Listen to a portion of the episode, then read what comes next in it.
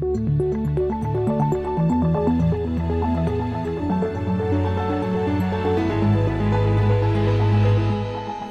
This Morning.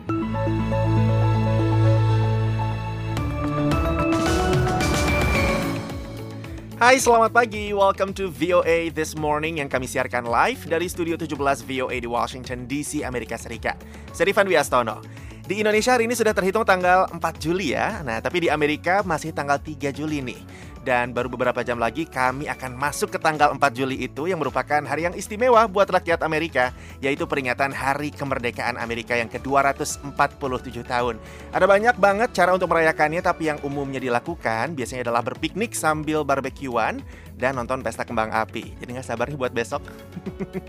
Tapi tentunya pagi ini redaksi VOA nggak lupa untuk menyajikan berbagai berita hangat di VOA This Morning untuk Anda. Di antaranya, Israel melancarkan serangan ke kamp pengungsi Jenin yang diklaimnya menjadi pusat komando kelompok militan yang berafiliasi dengan Iran. Namun, Palestina dan Iran sama-sama membantah klaim itu. Menteri Luar Negeri Israel Ilai Cohen mengatakan yang mereka serang adalah proksi Iran di kawasan itu, bukan warga Palestina. We are striking uh, the terrorism hub Indonesia berharap Jepang memastikan agar proses pembuangan air limbah radioaktif dari pembangkit listrik tenaga nuklir Fukushima dilakukan tidak membahayakan lingkungan. Jadi esensinya adalah kita uh, ingin adanya kepastian bahwa apa yang direncanakan itu betul-betul sudah memenuhi standar antara lain yang diberikan oleh IAIE.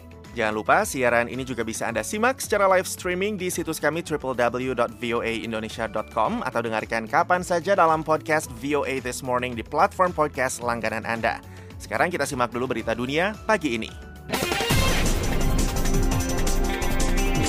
Inilah berita dunia VOA Washington. Hampir dua tahun setelah penarikan pasukan Amerika Serikat dari Afghanistan yang berjalan kacau, pernyataan Presiden Amerika Serikat Joe Biden Jumat lalu bahwa Taliban membantu Amerika Serikat mengusir Al-Qaeda dari Afghanistan kembali memicu kontroversi. Biden mengatakan hal itu ketika menjawab pertanyaan tentang laporan Departemen Luar Negeri Amerika baru-baru ini yang menyoroti kekurangan pemerintahan Trump dan pemerintahannya sebagai penyebab utama kekacauan proses penarikan pasukan. Rahmatul Nabil, maksud saya Rahmatullah Nabil, mantan Kepala Direktorat Keamanan Nasional Afghanistan, mengejek pernyataan Biden dengan bercanda menyebut pernyataan itu membuat Taliban seolah-olah mitra paramiliter Amerika, seperti peran kelompok tentara bayaran Wagner bagi Rusia. Di dalam perjanjian Doha, sebagai imbalan atas penarikan pasukan Amerika dari Afghanistan, Taliban setuju untuk mencegah negara itu menjadi suaka teroris dan berhenti menyerang tentara Amerika. Klaim Biden bahwa Al-Qaeda telah keluar dari Afghanistan juga bertentangan dengan laporan PBB Februari lalu yang menyimpulkan bahwa kelompok-kelompok teroris termasuk Al-Qaeda menikmati kebebasan yang lebih besar untuk bergerak di Afghanistan berkat ketiadaan strategi keamanan Taliban yang efektif. Presiden Komisi Eropa Ursula von der Leyen pada hari Kamis mengatakan kepemimpinan Spanyol di dewan itu terjadi pada momen menentukan bagi masa depan persatuan dan keamanan Eropa.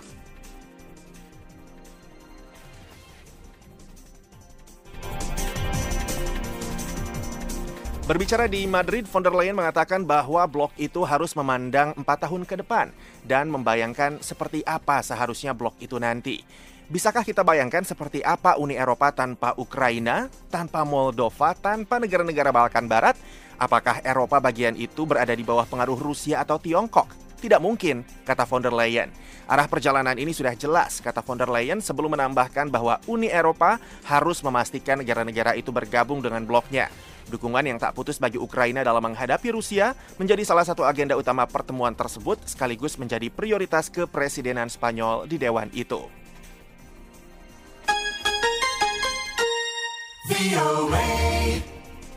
Presiden Joko Widodo mendarat di Bandara Internasional Kingsford Smith, Sydney, Australia Senin malam untuk memulai lawatan selama tiga hari ke negara kangguru itu. Presiden Jokowi diagendakan untuk menghadiri pertemuan tahunan Annual Leaders Meeting 2023 bersama Perdana Menteri Australia Anthony Albanese dan beberapa pertemuan lain, termasuk dengan Gubernur Jenderal Australia David Hurley. Sebelumnya Jokowi dan Albanese pernah melangsungkan pertemuan tatap muka pada Juni 2022 di Istana Bogor. Berbicara pada wartawan di Pangkalan Udara Halim Perdana Kusuma Jakarta sebelum meninggalkan tanah air, Jokowi mengatakan ada sejumlah agenda prioritas yang akan dibahas di Australia, utamanya investasi dan perdagangan. Sebagian media di Australia melaporkan bahwa Albanese akan mendorong peningkatan kerjasama pertahanan dengan Indonesia.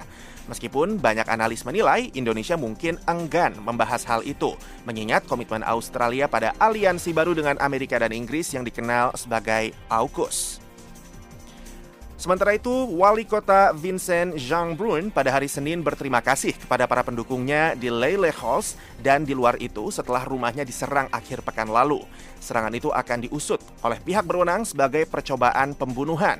Masa berkumpul di balai-balai kota di seluruh Perancis hari Senin untuk bersolidaritas dengan pemerintah daerah yang menjadi sasaran aksi kekerasan selama enam malam yang dipicu oleh penembakan mematikan polisi terhadap seorang remaja 17 tahun keturunan imigran di pinggiran kota Paris. En vérité, c'est la démocratie elle-même qui est attaquée. Chacun de ces symboles sont aujourd'hui visés.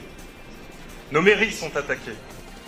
Kenyataannya, demokrasilah yang sedang diserang. Setiap simbolnya dijadikan sasaran, kata Jean Brun. Ini tidak boleh terus berlanjut, katanya. Kerusuhan yang tampak mulai mereda minggu malam didorong oleh reaksi sebagian besar remaja yang tinggal di pinggiran kota dan rusunawa terhadap negara Perancis yang menurut banyak anak muda keturunan imigran di sana secara rutin mendiskriminasi mereka. Amarah akibat kematian remaja yang bekerja sebagai kurir itu berubah menjadi serangan terhadap simbol-simbol negara, aksi pembakaran yang meluas, dan penjarahan pada malam hari. Kita beralih ke Israel. Pengunjuk rasa memasuki gedung utama Terminal Bandara Ben Gurion Israel hari Senin dalam unjuk rasa massal terbaru untuk menentang rencana kontroversial Perdana Menteri Benjamin Netanyahu yang akan merombak sistem peradilan negara itu dan telah memecah belah bangsa itu. Terjadi adu mulut dan pertikaian kecil dengan polisi yang mencoba mendorong para pengunjuk rasa keluar dari terminal. Ribuan warga Israel juga memblokir lalu lintas dan menghambat pergerakan di luar bandara internasional utama negara itu sambil membawa bendera Israel dan membunyikan klakson. Demikian berita dunia VOA Washington.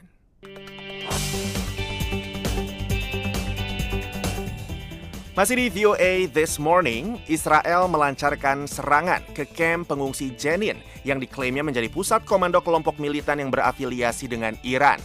Namun, Palestina dan Iran sama-sama membantah klaim itu. Sedikitnya delapan warga Palestina tewas dalam serangan tersebut. Berikut laporannya. Sedikitnya 8 warga Palestina tewas dan 50 lainnya luka-luka saat Israel melancarkan serangan pesawat nirawak ke sebuah kubu militan di tepi barat yang didudukinya Senin dini hari. Militer Israel mengatakan pihaknya melancarkan serangan tengah malam ke kamp pengungsi Jenin untuk menyerang apa yang disebutnya sebagai pusat komando militan terpadu. Hingga Senin siang ini, tentara Israel masih tetap berada di kamp itu, operasi terbesarnya di tepi barat dalam lebih dari satu tahun.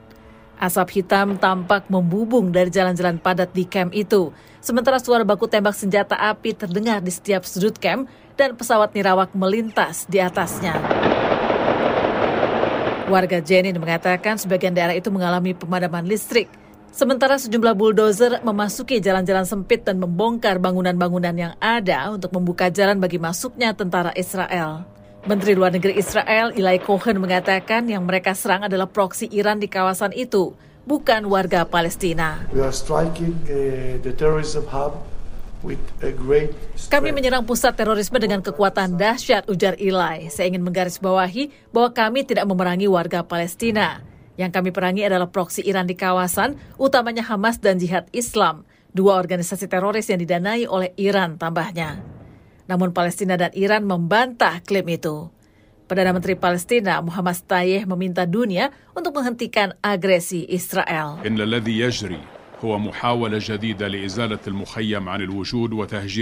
Agresi ini melengkapi apa yang telah dilakukan oleh para pemukim sebelumnya dalam hal terorisme dan penyerangan. Kami menyerukan kepada dunia, ujarnya, untuk segera menghentikan agresi terhadap warga kami di Jenin. Kami menuntut pemberian sanksi terhadap Israel, agresor yang mensponsori terorisme dan juga aksi teror oleh para pemukim. Tambah Stayeh. Sementara juru bicara Kementerian Luar Negeri Iran, Nasir Kanani, mengutuk keras serangan yang menunjukkan bahwa upaya kompromi dengan Israel tidak akan pernah membuahkan hasil. یک بار دیگر نشون داده که صلح و سازش و Serangan berkelanjutan terhadap kota Jenin yang tanpa perlawanan, ujar Nasser, menunjukkan bahwa perdamaian, kompromi, dan normalisasi hubungan sama sekali tidak efektif untuk menghentikan mesin perang rezim Zionis. Hal ini tidak efektif dan tidak akan mencegah aksi mereka, tambahnya. Serangan ini membuktikan bahwa rezim Zionis tidak dapat dipercaya dan tidak pernah berniat mencapai perdamaian. Kami mengecam keras serangan yang sedang berlangsung dan berharap agar masyarakat internasional ikut menunjukkan tanggung jawab mereka, tambah Nasser. Yordania, Mesir, dan Organisasi Kerjasama Islam OKI juga mengutuk keras serangan di Jenin, yang menjadi salah satu pusat aksi kekerasan antara Israel Palestina sejak musim semi tahun lalu. Kematian delapan warga Palestina dalam serangan di Jenin ini menambah jumlah korban tewas tahun ini dari pihak Palestina menjadi 136 orang. Demikian laporan tim VOA.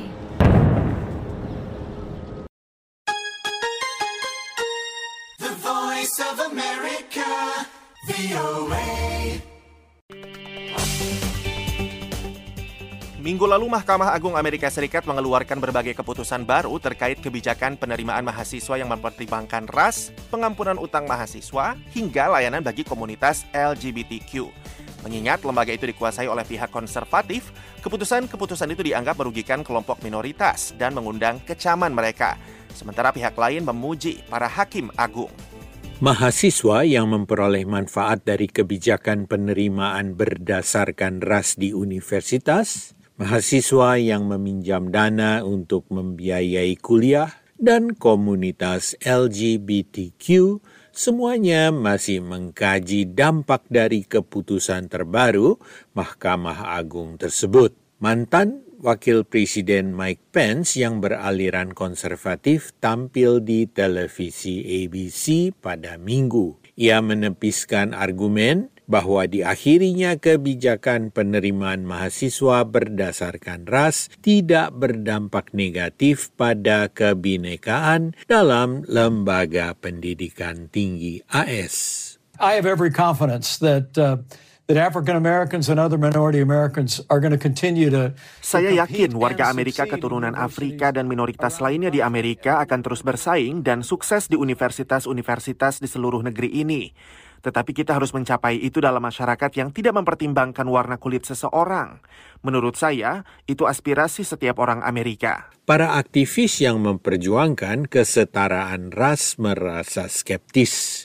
David Hinojosa dari Komite Pengacara untuk Hak-Hak Sipil mengatakan, We call upon the universities themselves to continue to engage in substantial outreach. Kami mengimbau universitas-universitas agar terus terlibat dalam pendekatan secara signifikan ketika melakukan perekrutan mahasiswa minoritas. Anggota Kongres dari Partai Demokrat Rokana mengecam langkah Mahkamah Agung itu ketika diwawancarai oleh televisi ABC dalam program This Week. You have all of these students who have Kita lihat mahasiswa-mahasiswa ini yang diberi janji bahwa utang mereka akan diampuni. Semasa jadi mahasiswa, saya harus meminjam 150 ribu dolar. Ada saat-saat dalam hidup saya di mana saya harus mengajukan penangguhan pembayaran.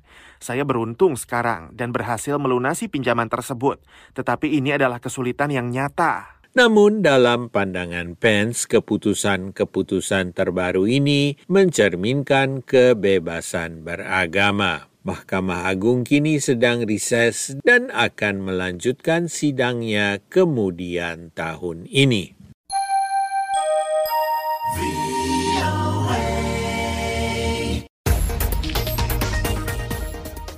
Pendengar masih di VOA This Morning, Indonesia berharap Jepang memastikan agar proses pembuangan air limbah radioaktif dari pembangkit listrik tenaga nuklir atau PLTN Fukushima dilakukan secara transparan dan tidak membahayakan lingkungan. Fatih Wardah melaporkan dari Jakarta. Kepala Badan Energi Atom Internasional Rafael Mariano Grossi akan terbang ke Jepang hari Selasa untuk mengkaji persiapan akhir pelepasan air limbah radioaktif yang sudah diolah dari PLTN Fukushima yang rusak karena gempa dan tsunami tahun 2011 lalu ke Samudra Pasifik.